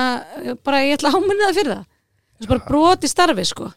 Og, og svo er bara og svo eru það sem, og það sem hefur gest út af þessari áminningaskildu og það því að forstöðum en ríkistofna er svakalega hlindir þessari breytingu sem ég legg til sem hefur nú verið lög, lög fram áður e, af því að þeir vegra sig við að gera þetta. Og ég er bara sjálf unnið hjá ríkinu og ég veit alveg hvað gerist. Ef fólk er orðið óhæft í starfi eða er mitt vaksið hérna einhvern veginn upp úr starfi eða alls konar þið vitið sem að bara getur gerst á lífsleðinu og starfsæfinni þá er það bara gemt einhver staðar annar starf þið vitið, það er bara fært til í starfi Já. það er bara, þú veist, þú ert ekki nógur í þessu hlutverki og við höfum engin annan nót fyrir þig en við getum ekki sagt þér upp og við ætlum ekki að fara í þryggjára farsa sem áminningar dæmi þig farða eitt að blíjanda Já, bara heyrðu, hérna er já, heyrðu, það þarf að fara yfir hérna skjálasafni Já. það er ekki að skjála að taka til í því. Já, og þetta er auðvitað ömulegt líka. Já. bæði fyrir samstagsfólki og auðvitað fyrir starfsfólki sjálft. Já, og það þarf bara að breyta þessum lögum. Klárt. Líka við erum að tala um það, þú veist að na, ég hef nú sagt þetta áður að þú veist í gamla daga var það þannig við erum nú ungilegur en í gamla daga var það þannig að ríki borgaði verð en réttindi voru betri, nú eru bæði réttindi betri og launin betri þannig að. Það er bara erfitt fyrir engaðal að keppa við ríkið. Já, og þeir kvarta sáran undan því og ég reyndar átt þess að ég tekið þessi mál líka upp á þinginu átt þessar samræður við hennar Bjarnar þegar maður fjármálar á þeirra að ríkið sé að stela starfsfólki frá engaðalum, svona brott hvar hérna fólks af e, engamarkaði yfir á, á, á hérna ríkismarkaðin, ofnbæramarkaðin e, og, og hérna það sagði eins og við mig e, sérst, yfirmaður í stóru fyrirtæki að þeim liði eins og þeir verið þjálfunabúði fyrir ríkið. Já, og þetta er svo galið svo galið að ríkið hérna þetta er frekar að vera öfugt sko. að sjálfsögðu, að sjálfsögðu af því að hérna, og ég var nú húðskomi fyrir þetta í, ríkin, nei, í þingin að segja þetta að, að hérna að auðvitað launaþróunin ekki verið þess átt að því að hvar verða verðmætin til? Verðmætin verða auðvitað til hjá engaðalum á, hérna, á almennamarkanum og það var allt vittlust auðvitað í þinginu þegar ég sagði þetta. Að segja að verði engin verðmæti til hérna í mentakerfinu Ertu að segja, já, það er það sem ég er að segja við erum ekki að flytja neitt út sem er verið til í mentakerfinu þið, þið veitir það, ég er ekki að tala um mér þy- þykir óbúslega vænt um börnum mín en það er ekki verðmætti sem er allir til útflutnings Nei. þannig að hérna það er alltaf snú, ma maður er svo, það snúið svo ógeðslega út fyrir, Mhm. man, hérna, fyrir manni oft í svona umræðu Já. en þetta er mikið vandamál Mhm. og við þurfum auðvitað að hafa augun á þessu og það er auðvitað ábyrð stjórnenda og stjórnvalda mjög mikil Mhm. að passa upp á þe- þetta klárt sko manni finnst líka sko að því að maður þekki nokkra sem er að vinna hjá ríkinu og maður getur að nefna neina upp en maður var erlendis með einum með daginn. Uh, þú veist það er þannig þú veist að menn, uh, köllum og konum þeim finnst þeim vera komin í kaff og sík og gig þegar komið á ríki, ríkinu. En ég hugsa þetta þannig sko að það ætti að vera meiri pressa á þér þegar þú ert ríkistarfsmaður því að þá er ég og Jón út í bæ og Jóna að borga launin hennar en ekki einhver engaðal út í bæ sem ég engan, þú veist, enga til, eh, tilfinninga til. Þú veist, þannig að ertu ekki smá sammála mér að, að, að ríkistarfsmaður með ekki taka fór grantit að það sé vera við sem að borga þeim laun? Já sko starfsögur að gera er bara svo mikið. Akkur ættu þau ekki að taka veit. sjálfsögðan hlut? Og sko þó að þessi réttavend er þið afnuminn Þá eru þetta réttavend þeirra miklu meiri heldur en, á, heldur en annar starfsmanna. Hún Mhm. er það, þ- þrátt fyrir það, þetta sko. Við erum auðvitað með stjórnsýslilög, við erum með humbúsmann alþingis Og við erum með alls konar batteri til að passa upp á ofnbæra starfsmenn. Bara hérna, make no mistake about it sko. Það er ekki fara að breytast. Eh, en þetta kerfi til að vernda ofnbæra starfsmenn það er búið til í, fyrir sk- skriljón árum þegar að umhverfi var allt öðru sig við vorum ekki með hérna, þriðjum launafólks að vinna hjá ofnbæra það þurfti, þetta voru, þetta var handvillra fólki það var allt öðru umhverfi. Þetta var ekki búið til fyrir e, hjúkurnafræðinga svo þeir myndi ekki verða fyrir gethóta ákvörnum stjórnmálamannum að reka þá. Þetta er bara fráleit hugmynd skilji. Hjúkurnafræðingar eða kennarar eða hverja sem það eru. Þetta er ekki fólk sem er að fara að verða fyrir einhverjum pólitískum handtóskendum ofsóknum sko þegar að, hérna, þegar að skiptum um, hérna, stjórnvöld sko. Þannig að e, það er líka úr sér gengja því að hlutverk ríkisins hefur þannig svo út og breyst svo mikið. Þess vegna verðum við auðvitað að breyta lagumgerðinni eins og Evrópuríkin eru löngu búin að gera Er það á ekki? undan okkur. Jú, jú, jú. Já. Við erum mjög afturlega meirinni þegar kemur að þessu. er best að vera ríkistarfsmaður í Íslandi eða? Ég hugsa það. Ég hugsa þessi besti heim hefur ríkistæðsmaður í Íslandi og auðvitað eru þeir hérna, margir hverjir alveg bráðnöðsulegir Já, og, og við gætum ekki án þeirra verið. Eh, en það verður bara að gæta sangirnis í þessari umræðu auðvitað. Nú eru ofta að innlega einhver ES-lög sem að ekkert allir eru sammála um. Er, er ekkert þar sem að við getum innleitt bara sem einhverja, einhver skildulög? Þetta er þetta frábæð punktur. Ég er ekkert í þessu, er, við erum alltaf erum að grúska alveg þessu Já, góð spurning, ég, ég hef ekki á að hinga til. Það er ekkert verið Ég fer að grúskæti þá. Já, uh, Úr einu í annar leifur. Subway. Söpfi, já, það er okkar menn. Já. Sko, þegar að Dilja tekur okkur hún, hún ætlar að sína okkur hún ætlar að fara með okkur vísindaferða já, alþingið eða ekki? Og, og enda gullöldinni. Enda kullöldinni Já. en fyrst ætlum við að fá okkur veistluplatt á Subway með 20% afslætti kat Já, sko. síðan ég CAD. Allir að, skella sig þangað. Ég, er, er þingið eitthvað að funda með visluplattar frá Söpfi? Ég er náttúrulega svo mikill aðdóðandi söpbi? Já, ég er mikil söpbi mannskja og það er ekki allir sem vita þetta en ég er að reyna að segja þetta mjög víða þetta fyrir svo töðnar á mömminni en ég er sko matvandasti í- fullorðni Íslendingurinn. Ok, og ég kom mér sem svona hérna, var tekið með, með viðtali í landanum. Þegar ég var að vinna í utrækisandunni þá var að tekið með viðtali í landanum svona, nú ert þú mjög matvand fullorðna mannskja hvernig stendur á því? Og mamma mín var svo miður sín hún var alveg bara, þið veitir, hún bara veist bara hvað þetta er hug en fannst þetta hérna, er- koma svo ill út fyrir hana sko. Já, Eh, en ég er um fjöðsískinin og ég er einn svona sko, þetta er ekkert með mömmin að gera bara þeir sem að hlusta, Já. þetta er bara þetta er henni er frábær. Já, en aftur að söpvi að ég er alltaf ógislega pikki þar eins og ég er allstaðar og ég er með svona mjög spes svona söpvi pöntun. Og ég til mér borða mjög lítið eða ekkert grænmeti bara svo, svo dæmið sér tekið ok. Og svo er ég heldur ekkert mjög lífun og kjöti. Og þannig Lítið ég er, já, lítið eftir. Þannig að ég er með svona hérna, söbbibát uh, ég er með söbbibát með litlu kjöti. Þið veitir bara ekki setja svona mikið að kalkun á bátu minn og alls ekki græmynd og svona. Já, og á tímabili þá og, og ég er rosalega og var sérstaklega áður en ég var kjörum fulltrú nú get ég ekki röfulega eins mikið en ég var alltaf svo ógæslega gallharður neytandi ok. Og ég var á söpbi svona þrísari viku og það er ótrúlega pyrrandur að fara á söpbi og pantaði bát og þú ert eitthvað svona, já, ég ætla að fá mínus þetta, mínus þetta, mínus þetta. En get ég fengið eina beikonsni já, það kostar 399 Já, og ég var bara einhvern veginn, bara nei, þetta er ekki sangjönd sko. Og þannig ég var komið með eitthvað svona svona, þá búið að bæta við svona nappi í söpbei takkaborðið Já. sem var eiginlega bara dilljarbátur sko. Já, ok það var bara Það er bara parmesanbreiða Já, bara, það var nei, það var bara lítill kalkut og bacon í staðin, þið veitu, ekkert grammit og allt þetta sé, Já. þú veist, bara rugl. Já, Þannig að, hérna, já, Söppi sagði dagsætti, vissi ekki Já. að ég væri með fanatíkar, Söppi fanatíkar. þetta er Þetta rosa er gæðvitt, já, ég er líka gaman að þjónustulundinu af Söppi hefði skilað sínu Já, bara algjörlega, það er reyndar þessi nappur dottin út og ég er ekki fara að taka hann slag núna, en bara ef bara eitthvað Söppi fólk að hlusta, veist, kalkuna bacon báturinn er bara mjög mikilvæg bátur Já. og það er bara að koma aftur að ég- Það þurfti að opna þessu umræða líka Það þurfti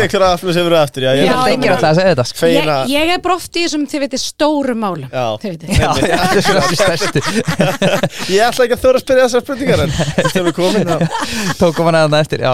Uh, Þeir eru við, já? Eitt í viðbútt Diljó, fyrst að þú lætur ekki allt og niður Hvernig finnst þið dölur? Ég borða döðlur. Ok, hefur smakkað dölurnar frá David Jones? Hjúpu með lakkrís og saltkaramellu og Nei, Hæ, að þú ert algjörlega búin að selja mér já, veistu, ég ætla, að senda- ég ætla að senda þið heim klifjað sko. Já, það Bara- er svoleið. Já, Já, þeir eru hérna Við ætlum að láta að hafa allskynni skoðgætt eftir þá Já, ég skráði í hagsmunarskráningu. Já, þú verður að gera það sko. Þetta er alveg dæmi sko. Já, Birgir, hver er þín Hver er þín uppáhalds bratvind þess að dana? uh, það, Sorry, það er bara saltlagsin sko. Já, ég er dottin í hindberðalakrisinn Já, ok. Þetta er, já, þetta er allt gott samt sko En, en hindberðalakrisinn, hann er, hann er þess að dana Já, Það er David eins og þú Jones sért að hlaupa á móti. uh, Já, Já, þetta er svona meinholt sko Já, þetta er náttúrulega, þetta er náttúrulega ná- náttúrulega sigur sko, en, en hérna, ég er ekki náttúrulega að hlaupa svo svo þessi svara líka sko. Já. Ég finnst best að vesla David Jones að fá ég heimsenda það er í heimköp uh, Hanna uh, Söppimann eru samt með spurning á Dilljá sko og uh, voru, þeir voru eitthvað að skoða heimasíðuna hjá Dilljá sem ég mæli með að fólk skoði hún er geggjuð uh, uh, og þeir spyrja hérna hvernig sér Dilljá fyrir sér að gera Ísland að vænlegum velli fyrir nýsköpunastarfsemi og hvað telur hún sig eða Ísland geta gert betur til að Ísland uh, sé vænlegu kostu fyrir nýsköpunastarfsemi Þetta er bara frábært, mm. þetta er frá, bara beint frá söpbi. skúli höfvi Þetta er skúli. Já, það er, bara, það er ótrúlega gaman að því því það er náttúrulega búin að heyra þessa rullu, að, hérna, við sjálfstæðmenn erum svo stolt af þessu, að við hefum auðvitað skapað ótrúlega gott uh, umhverfi hérna á Íslandi fyrir nýsköpun. Uh, og hérna segjum sagt, mjög gerðan frá því að með því að, að setja upp þetta fyrirkomulag varandi rannsókn og þróun, þess, þetta endurgræslu fyrirkomulag, þá hefur, hefur okkur tekist að örfa nýsköpun alveg svakalega á Íslandi. Og, og hérna getum við alveg ótrúlega stolt af því. Og við þurfum að standa vörðum þetta kerfi því að við erum þetta til dæmis núna, við erum svona í einhverjum hérna fasa á, á, þinginu og erfiðum aðstæðum þar sem að er svona verið að herða sultar og ólina víða og þá þarf maður svolítið að vera með augun á boltanum sko, að vera ekki að hérna e, einhvern veginn að fara of gist í, í hérna, samdrætti þar sem að e, getur sk- bara dreigð úr raunni til lengri tíma li- litið. Og svona þetta er eitt af því sem við höfum staðið verðum það er þetta þetta endurkvæslega kerfi sem að sjálfstæðarflokkurinn kom á. Mhm. Og ég veit að, að Áslu og Bjarni hafa verið duglega að tala um ekki síst eftir hérna e, að Guðmundur Kersis auðvitað benti á þetta hann mjög nýlega. Mhm.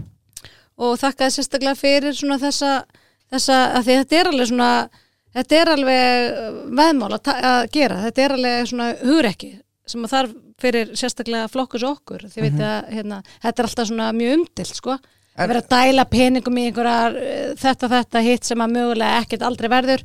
Og hérna og svo er auðvitað þessi furðulega tortrið í samfélaginu alltaf e, í garð þeirra sem að eh, að þykja, fólki finnst vera að þykja peninga fyrir að skapa eitthvað sem að fólki finnst bara að vera að gera í sinn megin frítímaskili En hvar verða verðmættin eiginlega til? verðmætt Ríkinu? Já, hérna, einhverjir kollega mínir vilja meina að, að þeir verða til í ríkinu. En þeir verða auðvitað til hjá e, fólkinu sem að vinnur hjá litlum og meðalstónum fyrirtækjum ekki síst. Mhm. og við þurfum að e, passa alveg svakalega upp á rekstra umhverfið þeirra. Og þegar ég segi passa upp á rekstra umhverfið þeirra þá er ég bara að meina að vera ekki svona mikið fyrir þeim. Ég, við gerum mjög mikið að í sálstafloknum að heimsækja fyrirtæki e, og svo hef ég bara hérna Gullu Þór sem er nú mikill vinnur þáttarins. Já, kongurinn Já, það er þín orð. Uh, hann, Gamli. hann, já, hann er hérna, mjög dullur á þessu líka og ég hef svona þvælst mikið með honum. Og svo oft sem maður kemur og maður svona sest niður með einhver maturreikandum og hvar starfa bara 5 manns eða 20 manns eða 50 manns og, og bara hvað getur gert fyrir þig? Bara hættið að flækast fyrir okkur. Hættið að gera lífið okkar erfiðar heldur en þarf að vera. Við erum bara hérna að vinna baki brotnu í að búa til verðmæti og búa til verðmæti fyrir samfélagið svo að þið geti verið að útila þeim í hérna einhver helbriðstjónustu og mentakerf og það sem að þið viljið sko. En láti okkur þau í friði til þess. Þetta eru bara oft bara mjög einföld skilabóð sko. Já, og samt eru getum við ekki farið eftir þeim sko. Já, einmitt. Við getum ekki orðið við þessu. Nei. Nei, þannig að verðmætin verður auðvitað til þar og við erum að gera fólkið allt og erfitt. Já. sérstaklega ég við erum bara við erum bara bröðust til að mynda bara þið veitir einirkjum og svona pingulillum fyrirtækjum. Við erum ógisláft, ég er hérna eh, nýja uppáhalds viðfangsefni mitt á þinginu er, er hérna gullhúðun ég veit ekki hvort að þið þekki það hu- hugtak hérna, þið veit ekki hvað gullhúðun er? Nei. Vá, svo margt sem ég geti lært að mistra okkur ekki bara, ekki bara bestun á söpum já, já, já. Nei, gullúin er það þegar að við erum að innlega ES-reglu sem að þú ert svo hrefn af Mm. eh, að þá er svona íslenskir embætsmenn sem er bara klæri puttana hérna, að spreita sig á, á eh, laga umgjörðinni sko og bæta einhver svona sér íslensku við bæta einhver skemmtilegu við og við eins og þú réttilega bentir á að við erum alltaf að innlega ES-reglur en við erum ógeðslega að bæta einhverju íþingjandi við. Já. og ég, það fyrsta sem ég gerði þegar ég tók við sem formaður utryggismálnefndar var að senda bref á allar áþarna að þegar ES-reglunum þær fara í gegnum utryggismálnefnd og við fjallum sérstaklega um þær. Það er partur og svona þinglari meðferð. Þá sendi ég bref á allar áþarna og, og bara baða um að snar hætta þessu. Hættið að gullhúða og ef þið ætlið að gullhúða þá, þá skulle þið sko láta okkur alveg bara Já. gýrskilt vita af því. Við viljum fá vita af því svo við getum varast það og þá tekið hérna umræðina bara umræðina hérna í þinginu. Og ég var ekki fyrr búin að senda brefi og hvita nafna mig undir heldur en að fyrsta svona mál kom á dagskrá þinginu. E, og það voru hérna, umræðar um livjalög þar sem voru einhverja fráleitar e, íþingjandi íslenska kröfur sko. En bara frumvarpi kom bara að vera mynda innlega ESB-reglu sem við verðum að út af ES-samstarfin skili og sem bara endist ekki verið rétt Nei. Já, hann að gull- Þægileg já. leið til þess að lauma inn einhverju Já, hvað segir Já, og svo er allir bara brjálegar út í ESB af því ESB er alltaf að láta okkur gera eitthvað rugl. Og svo bara, bara ótrúlega oft er þetta bara heima smíðaða reglur. Já smáaletrið smáa letri sko og þið veitir og þetta er oft svona ESB segir, já, hérna erum við með kröfur um einhver upplýsingagjöf fyrirtækja. Og hún á gilda fyrir 100, fyrirtækja sem að uh, vinna 150 eða fleiri. Þá eru íslenska embætsmenn svona en akkur stoppið 150 já, höfundi bara fyrir alla. Og þá er bara einhver Jón Jónsson sem að, þið veitir, er bara með eitthvað einstaklingsfirma sko sem er bara ofurseldur einhverjum kröfum sem að er ekkert mál fyrir maril skilji. Og svona rúlar boltin og við erum Já. að gera þessum litlu aðalum alveg svakalega erfitt oft fyrir. Hann að gullun er svona þannig að við erum að fá köku frá ES og við erum að setja smjör og meira á hana. Já, svo tökum við bara bjarnar bena á þetta og það er bara sigur massi. Já, nema vill, hefur verið að endurskýra þetta sko uh, blíhúðun, þeim finnst gullhúðun svona vera eitthvað Já, fancy svona. Já, já, brófi ákvað huglega sko. Já, er í því. Sko, það er eitt sem að hann hjó eftir á David Jones. Hann sagði sko uh, Diljá býr í Reykjavíkuborg Ég held að allt væri svo ómögulegt í Reykjavíkuborg Er þetta búið þarna? með herkjum. Já, þetta, þetta, þetta text. Ég sko er fættu upp alveg grái rosalega mikill grá að spúi Mhm. uh, svo flutti ég nefnilega í Kópói nokkur ár og það var geggjað. Já, gott að að í Kópavogi. eins og einhver sagði. Uh, en svo hérna atvikast það þannig að, að hérna, ég flutti aftur, mér langaði þetta aft- alltaf aftur í gráin sko. Já, og svo eru mamma minn og pappa ennþá þar og hérna annar bræðra minna og, Gulli líka. já, og svo þetta Gulli, hann er næstu götu. Gleym ekki Gulla, konginum nei, hann að ég flutti aftur í gráin og ég held að ég hef ekki verið búin að búa þar í svona nema einhverja örfá daga þegar ég hef búin að opna mitt fyrsta máli á Reykjavíkborg ok. Það verður aldrei list það er bara skans frá því að segja. Ég er búin að vera þar í nýjár núna, svona setni hálunni sko. Mhm. e, nei, það er náttúrulega ógeðslega fullt að búa í Reykjavíkborg Já, það er svo illa að fara með fjármunni skattgreinda Mhm. það er alltaf fá sem vitað hvað er ógeðslega mikill peningur sem við greiðum í skatta sem fara bara til þið veitir við sem búum í Reykjavíkborg sko, kann okkur útsverðið ekki? Útsvarið. Já, það sem, þú veist, maður átti sig ekki á því fyrir maður fór að sjá þessu sundulegin sko. Og og maður fær bara alltaf lítið fyrir peningin Hvað er svona helst það sem að fyrir töðunar ekki okkur Vá, hvað á ég að byrja? Það er bara umferðinu þetta, þú veist, er, bara kemur mjög fljótt upp í hugan sko og ekki bara umferðin, að mann sé gert það óklift að vera, við vorum sko, ég og maður minn, við vorum ógislega lengi að berast við að vera einu bíl. Já, Svo fórum við eiga börn og við fengum auðvitað ekki leikskólapláss fyrir þau, búum í grái, fengum leikskólapláss fyrir þau á engaregnum leikskóla og hann var vestur í bæ, veitir, vestur í bæ? Vestur í bæ. Þannig að þú, það er ómögulegt fyrir reykvíkinga bara ég veit ekki á hvað aldurspilu þarf að vera til að geta verið í strætó. Ég hef búin að búa, síðustu nýja ár hef ég búið alveg við strætóskili og vinna mín hefur verið alveg við strætóskili og það hefur verið eitt strætó beinaleið 20 mínútur. Mhm. ég get samt ekki tekið strætó. Það er út af því að Reykjavíkuborg sökkar það er bara, það er bara þjónustöðar er svo léleg. Mhm. það er bara öll þjónustöð sem var í hverfinu minni þegar ég var að vaks og grassi hún er farin þaðan, það er ekkert að lengur. Það er búið að breyta þessu íbúður sko. Að hérna mér sé að búið að reyna að þrengja hérna uh, hjarta fólkdakkarinsinn sem er en svo við erum búin að marga átt fara yfir þið veit það, mér sé að sko það er er það að loka henni næst bara? Já, ég bara, það hefur verið reynd, það er búið að setja hérna íbúður ofan í gullöldina og, og svo bara skilur fólk sem býrðar ekkert í þessu læti, þið múin að vera í 30 ár sko.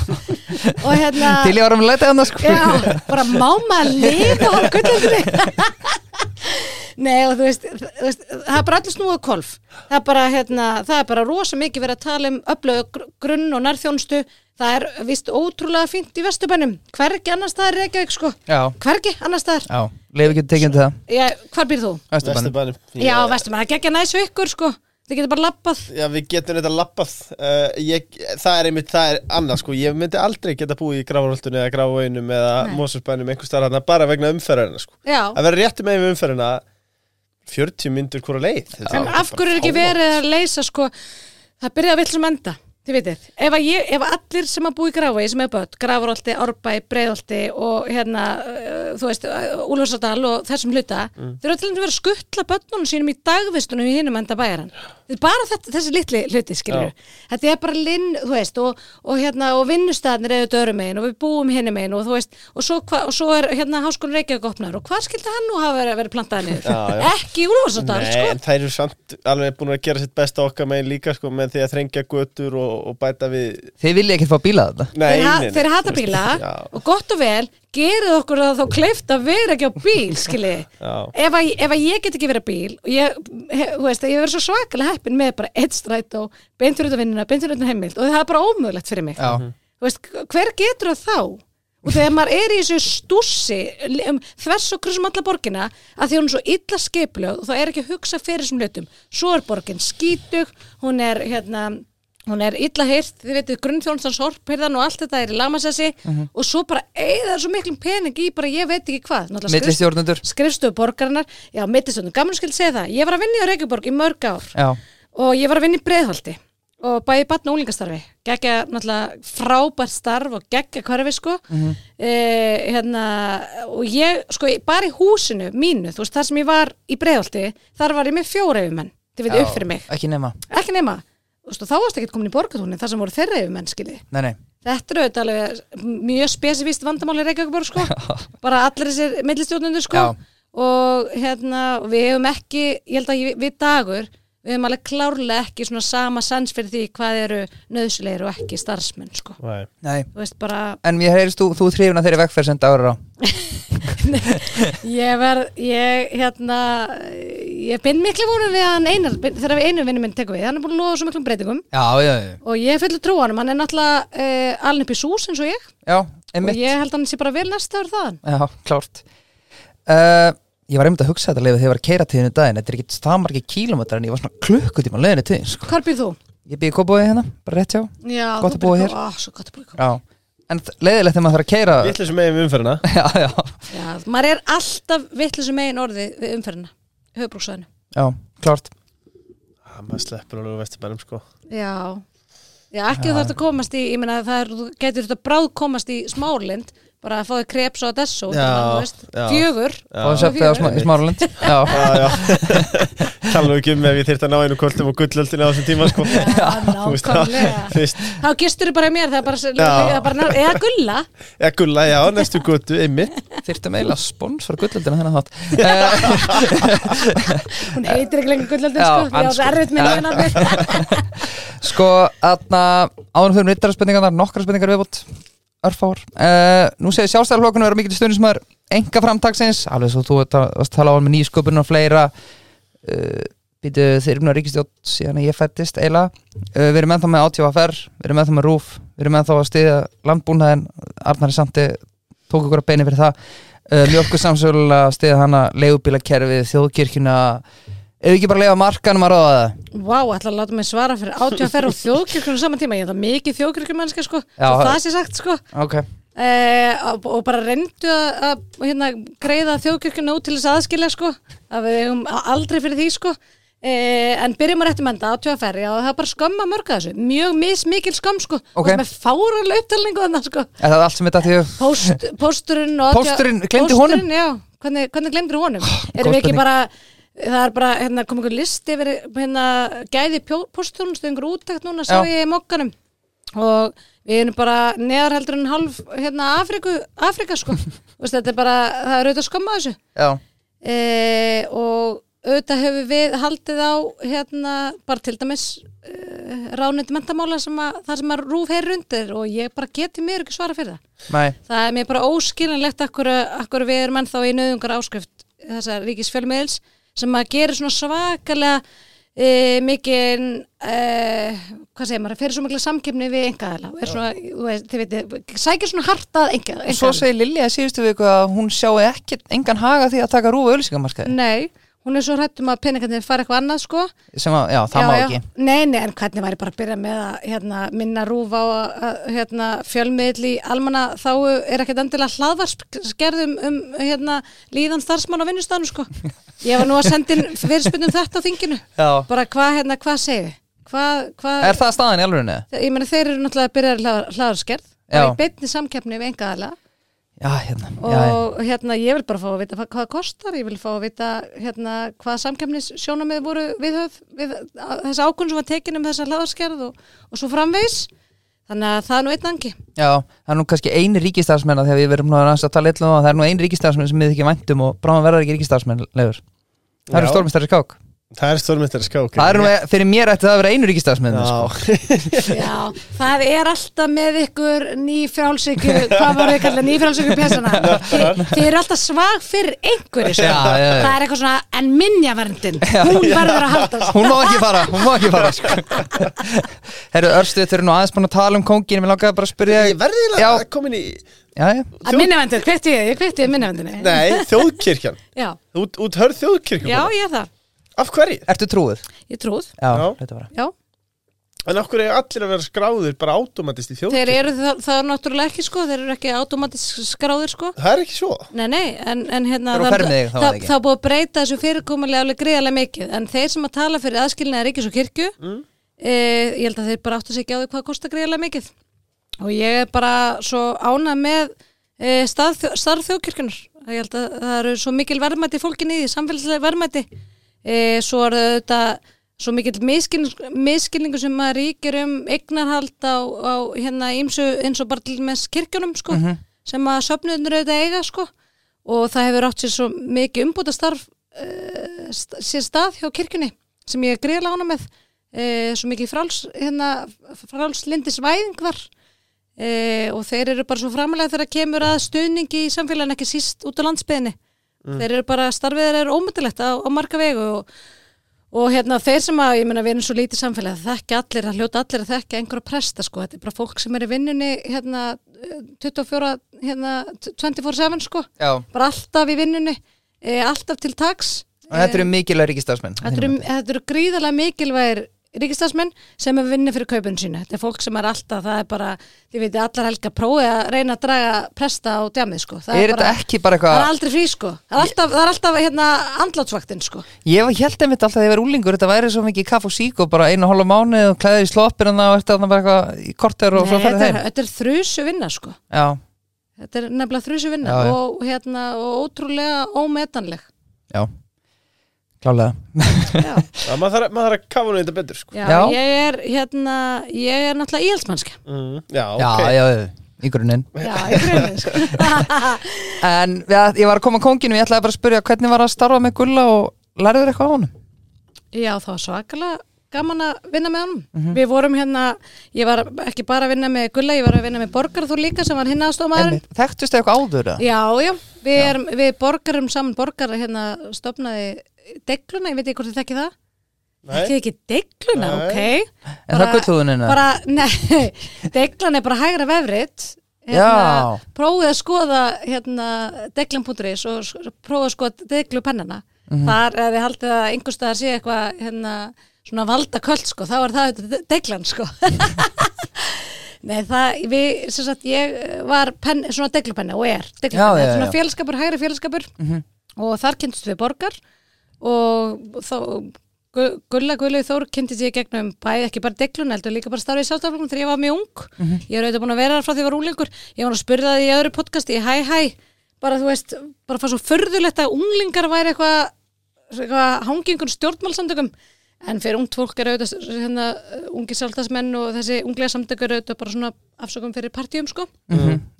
þannig ég djammaði mjög mikið með sjálfstafsmennum bara þegar ég var yngri sko. Já, e, þannig ég, og það er bara útrúlega gott hérna, tækifæri að taka þátt í þessu starfi að kynnast til dæmis mikið að stjórnmálamönnum öðrum og svona vika sondundarhingin og efla tengslanetið Mhm. og þannig ég þekkt, hef þekkt gulla bara í 20 ár langar maður að segja. Já. Þó ég sé náttúrulega samallur því Já, ótrúlega, já, saman í bekk. Já, við vorum þetta saman í Já, já, þið aðeins. Já, algjörlega. Herru, síðan spurning fyrir rittarspurningalur Og það er í bóði okkar manna í Waterclouds Waterclouds, já. Ertu með Waterclouds í hárinu núna? mm, Já, Nú glansar þegar Já, Þetta var híkandi svar, hvað? já, nei, ég nota bara Waterclouds Já, ég veit þú nota bara Waterclouds sko.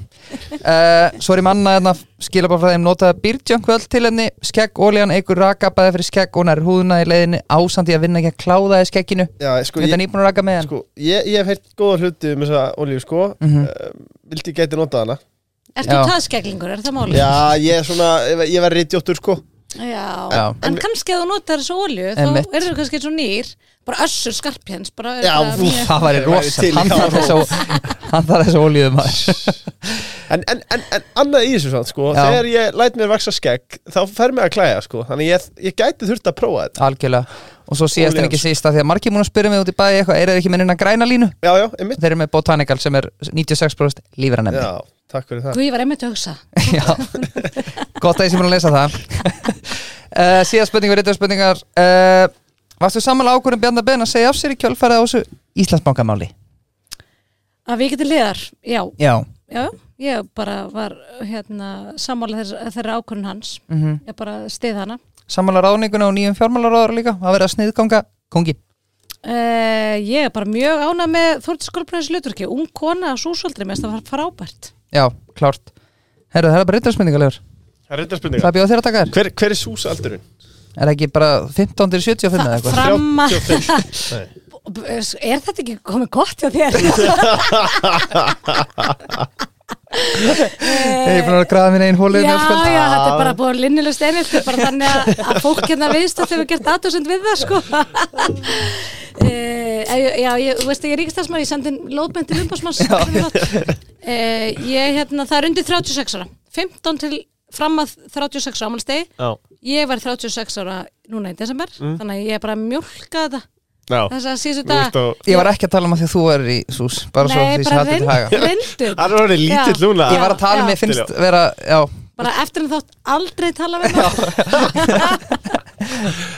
um, Eitt sem við þurfum líka að taka fyrir bónus með okkur í lið, gripi og greitt ný Já. Hún, er, hún er, hlýtur nú alltaf að vera ný lengur nei, þetta er ekki nýja frétt fyrir mig allavega Nei. En það er samt ennþá fólk sem fer bara í bónus og notar þetta ekki sem, þú veist, Það er náttúrulega góð þjónustu að það á kassanum En þú veist, sko. já, já. þið verða að prófa þetta Þetta allavega er snill fólk eins og ég sem er tekniheft Já, Já. það- Einmitt, það er svona ennir ekki að Hata læra nýja þetta skilur. tækni. Já, já bara enn eitt appið, bara látið mig í frið Má ekki bara fara í að setja þetta í körnuna Já, já, Já. það, það er líka kerfum fyrir fólk eins og þið dilja, sko, engar ákveð því um,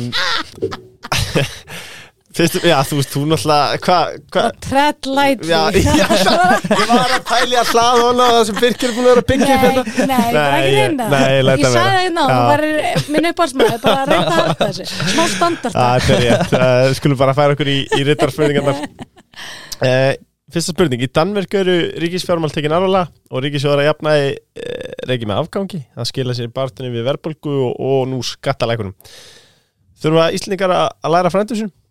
Við getum lært mjög margt af frændum okkar en við hefum samt verið að taka okkur á í ríkisfjármálunum. Við hefum verið að hérna, verið á góðri veg fyrir þar. Mm -hmm. Mættum gera miklu, miklu, miklu betur ekki síst í hægraðingu Mhm. Hvort elskar sjálfstæðisflokkurinn meira útgerðina eða Ísæl? eh, eh, Erfitt að velja. Sjálf, já, vá. Sjálfstæðarflokkurinn er bara auðvitað, hérna, stiður auðvitað fráls og fullufalda ríki og sjárútveg sem er einn af okkur, einn, einn af okkur mikilvægast atvinnugreinum Mhm. en vá hvað ég bjóst ekki við á en ég byrjaði hérna að vinna í, í stjórnmálum sko, hvað það færi mikill tími fyrir unga mannski að ræða sjárútismál mjög gaman sko Já. bara, komur óvart sko Já. ég get bara sagt ykkur alls konar sko Við erum nú eiginlega búin að afgræða þetta en, en við skulum leifa yngveldi önnu að, að fá spurninguna aðskilnaður ríkis og kirkju, já eða nei? Nei, Nei. Óvænt Sko, hérna kemur spurning sem hefur verið mér mjög hugleikin og, og ég hef spurt marga að þessu og hérna ég, ég hef aldrei fengið afdráttalust svar sem að ég hefði vilja heyra. Á að hætta með sæðla á Íslandi? Ég hef, ég, ég hef bara ekkert velt þessu fyrir mér. Ekki? fyrsta sem kom upp í hugun á mig var bara nei. Ég hef ekki velt þessu fyrir mér. Nei, þetta er hérna Líka þú ert svona þú frjáls ert, að- þú ert að tala um bara að hætta með pening já, reyðfjö Já. já reyðu fyrir Já. mm, ég hef bara ekki myndað með sterkar skoðan á þessu. Nei. Nei. Hver, hafi einhver hætt með, með reyðu fyrir Nei, ég held, ég held að við myndum það vera Nei. fyrst sko. Nei. Já, er ekki einhver bara mjög samfærandi ástæða fyrir því? Já, það er sannlega einhver EES reglingar já, já er, það, er þetta ekki ES Já. Já, eða, eða íslensku embætsmennir Já, já. Já, Eða þeir. Líklega.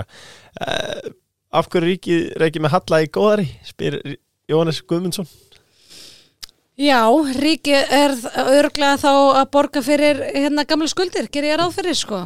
En það ætti auðvitað ekki að vera svo. Þá auðvitað að nota auðvitað góða árin, árin til þess að borga upp sko. Mhm. Klárt Eitthvað sem að Reykjavíkuborg geti tilengja sér. Jú, jú Svona eitthvað til þess að hafa í huga. En auðvitað höfum við verið að gera það. Þess vegna stóðum við svona vel í COVID sko.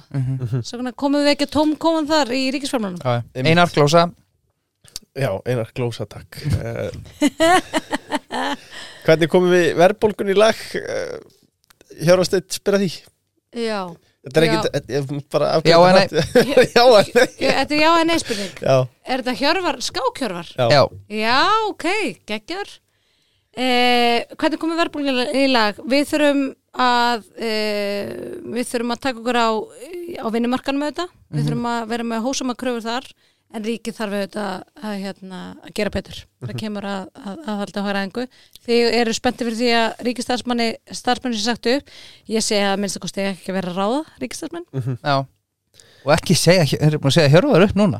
Hann var náttúrulega Hjörvar, var náttúrulega tvöfald ríkistæðsmæður Hann var stórnumstari og efinn í ríkisköpun núna En nú er hann bara einfald ríkistæðsmæður já, rétt. Er það nóg að vera einfaldur ríkistarfsmann? Mér finnst það Vissi- finnst- Fyrst þú ert byrjaður. Já, ég meina ekki að fyrst að allavega? byrjar og ég meina er það ekki eitthvað þrefald ólusrættindi og Já, já. uh, Þetta eru Rittarnir, þeir eru hérna Þeir eru bláir í dag. Eru skattar og háver á Íslandi? já, erum eh, Ísland er, vá, góð spurning sko, ég er búin að vera er að vera að draga upplýsingur og fjármálaráðundur um, um skatta sko. Að því að við erum með svo ógeðslega háa skatta á Íslandi að því að ég held að ekki allir fatta þetta sko. En e, í fyrsta lagi, við erum rosalega ung þjóð. E, þannig að ergo, eins og er alltaf verið að segja okkur það er ekki hægt að be- bera okkur saman með Norrlanda þjóðnar í helbriðsútgjöldum, að því við erum ung þjóð. Ok, þannig að við erum ekki eða eins miklu í helbriðsmálin eins og við ættum að vera að gera því við erum ung þjóð. Númer tvö, við erum alveg sérstakt hérna, kerfi, e, lífirsetnindakerfi á heimsvísu af því að það er svo mikil sjóðsöfn á Íslandi. Þannig að þetta er ekki risa fjárlega útgjald, útgjaldalegur eins og er hjá flestum öðrum þjóðum sem við berum okkur saman við. Það er nummer tvö, nummer þrjú við erum herlaus þjóð. Við erum ógeðslega litlu í varnamál samanbóra við eiginlega alla. Einmitt. af hverju eru ekki skattanir okkar lægri? Og þegar ég er að tala um þetta þá ætlum ég bara að minna á það að samfélgingin vill hækka skatta. Já. Það er bara ótrúlega merkilegt. Muna Við það þegar það fer í kjörkláðina? Já, bara muna það að við borgum nú þegar allt og háa skatta og bara farið betur með þá takk. Já, þetta er hérna þetta er orðið tíma tölu þetta er áhugaverð, áhugaverð punktur sem kemur með, sérstaklega með eins og herþjónustaf, við erum ekki með neina slíka. Er, er, er, er mögulega dýrt sögum stærðar okkar eða smæðar okkar öll heldur Sumt er auðvitað dýra fyrir okkur því að við höfum ekki starra Já. hagkannina sko, já, já, þú veist bara, já, já, en, tvimarlust en við borgum auðvitað sinnsamlega mikið í skatta Já. sko, og, Við borgum allt og mikið skatta. Þegar við skoðum þess, þetta er sko þrýr risa útgjaldaliðir hjá flestum þjóðum, auðvitað er heilbisútgjöldin hérna, stór liður hjá öllum sko, en, en hérna, hann er læri okkur eins og stjórnvöld er alltaf að segja. Þegar þau eru að afsaka sig í samanbyrjunum þá eru þau alltaf en samt haldið áfram að borga svona ógslega háskatta og við notum það bara, við stopnum bara enn eina mannréttinda skrifstofuna Já, já. Við. Við þurfum allavega einu viðbútt en, sko, Já, við- það er ekki nóg að hafa einir ekki sko. Eina í hvert sveitafélag sé ég Allavega í kópaði þá verður mannréttin betri Já, áttar sig ekki á því hvað það er að borga mikinn skatt sko. og ég bara eiginlega hvet fólk til að skoða ekki sko, því að það er Nei. bara ekki gaman að skoða þetta Nei, þú veist tekur tolla, virðisöku skatt skatti sem var greiðast að launinu þú endar með heldur sko. Bjarni Lága- mann þetta eiga það, það var heldur vel gert var ekki, bara Ísland.is eitthvað sem getur séð bara nákvæmlega hver Já, Já, Er það? já það, er alveg eða það, er, það er gaggsæði sem að sjálfstæðarflokkurinn hefur einleitt og svo hefur auðvitað sjálfstæðarflokkurinn verið að lækka skatta. Við megum þó eiga það og það í sko vinstri ríkistjóðan samstarfi en það er bara aldrei nóg að gert sko. Nei. það er bara þannig, við erum að borga og háskatta Finnst þið rittararnir vera bláir eða? Mér, mér finnst þið vera svona já, Kannski er í- það áfættistómar og hverju að hlusta á okkur. Uh, mögulega eða, eða þeim til hrós. Bæði. Þú farið að setjast í ráðherrastól á morgun. Hvernig má bjóða þér, spyr Hermann í kemi. Helbrisandi heilbriðs Takk. Er manni kemi? ætlar að, ætlar að skera niður þar? Takk til hendri það þarf að fara betur með fjármunni í helbriskerfinu Já. meðal annars með, með því að nýta betur svona tekni lausnir. Her, Hermann er, er líka aðeins að spá sko. í Mm. fyrsta lagi spáður hann mikið í einnóta nýtilhömskum Já, uh, duftlausnum og það eru 100 Hann er með eitthvað stykki tilboði núna, Já, ekki? jú, jú, 100 stykki pakka verð 999 krónur uh, hvað er það margir í pakkasæri? Það gera minna en, en króna per, per stykki Má ég var svo að hugsa hvort þetta væri einhver 10 sko. krónur. Nei, þetta er tíu krónu hver ekki Þetta eru 10 krónur hver, já eru stundum er þið bara útlitið Já, stundum eru bara Oftast, já, ég skil ekki hvað er fengum sem verkvæði gráðu sko. Það hefur verið eitthvað seriós pakki Þannig að það er kemið.is Já, um, en hann, hann hérna Hann er einnig að spá Hvernig líst það á komandi kjara viðræður uh, Verandi í einhverjekstri Og hvernig finnst þér fórist að verkefliðsefingana hafa staðið sig? Er ekki frábært að sjá Solveig Önnu hvernig hún er að berast fyrir sitt fólk? Nei, mér finnst, mér líst ekki rosalega vel á hana einmitt út af fórustunni mér finnst þau hérna ekki mér finnst þau tala óvarlega mér finnst þau ekki hafa mikinn skilning á, á ástandinni bara alls ekki sko þannig ég er ekki mjög bersýn því meður Eru þið Solveig Önna góða vingunur?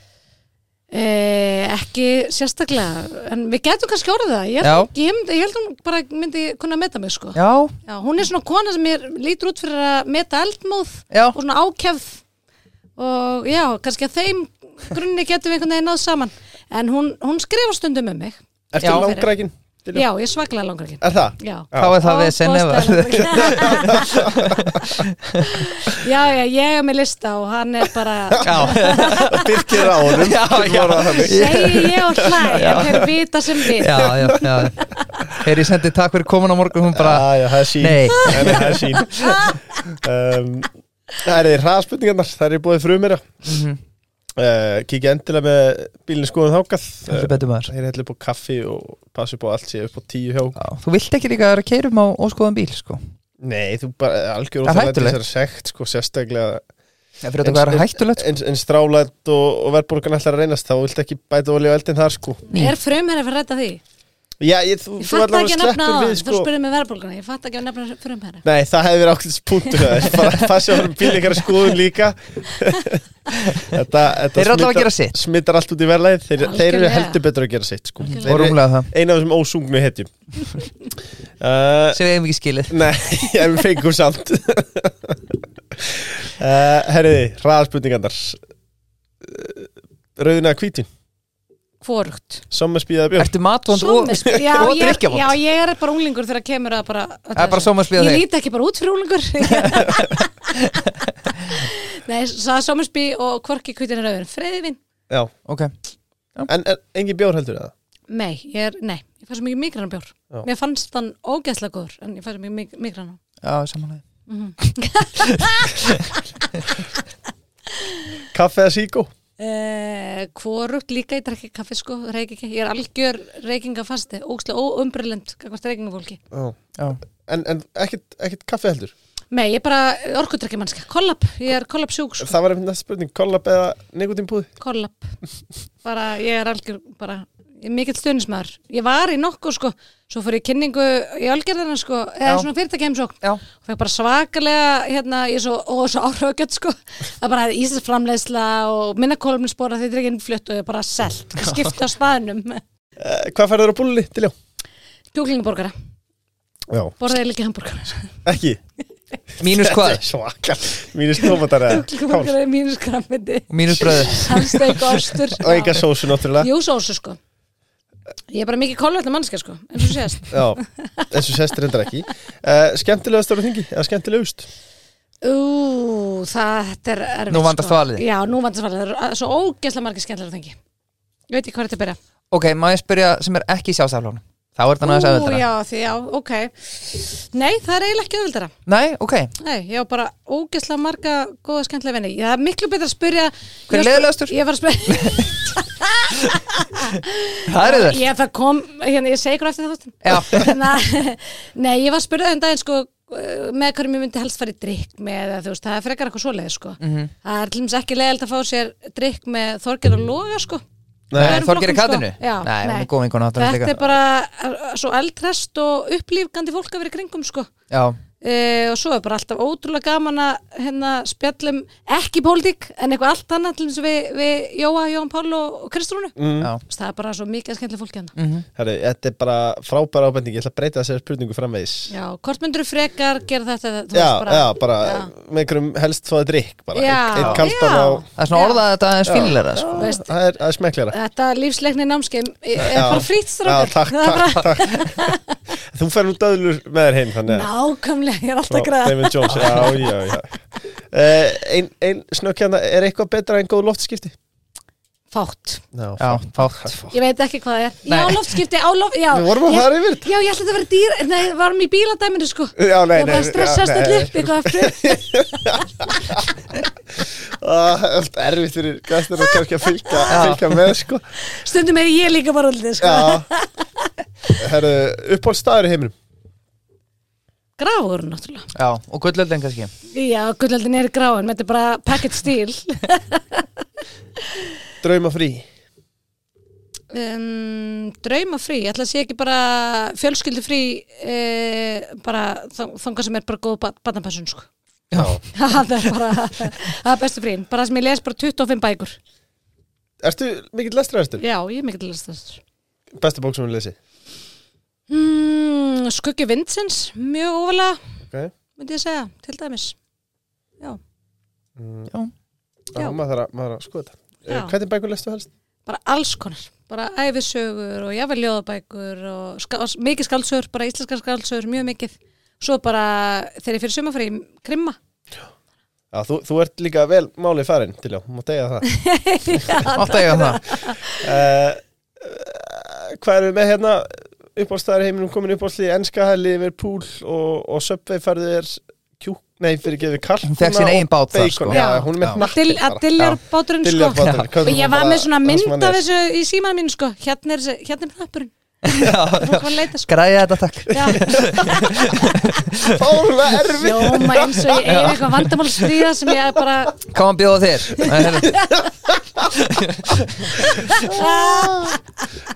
Og ég var svo óþrólandi neytandi sko. við, við þurfum samt sem þjóð að vera betri neytendur. Já, ég er með eitt risastórt neytandamál og bara gott ég áarpiða hér. Já. Þetta var bara málum mitt lengi. Og það er fólk sem fer í röð á nammibarnum, nammilandi í hagköp Sko það, konseptið er og þurfur ekki verið röð. Mhm. Konseptið er, þetta er alls konar hæð sk- skildi, þetta er dreift yfir fólk er bara að gunna í að ná sér nammi. En fólk stillir sér upp í röð.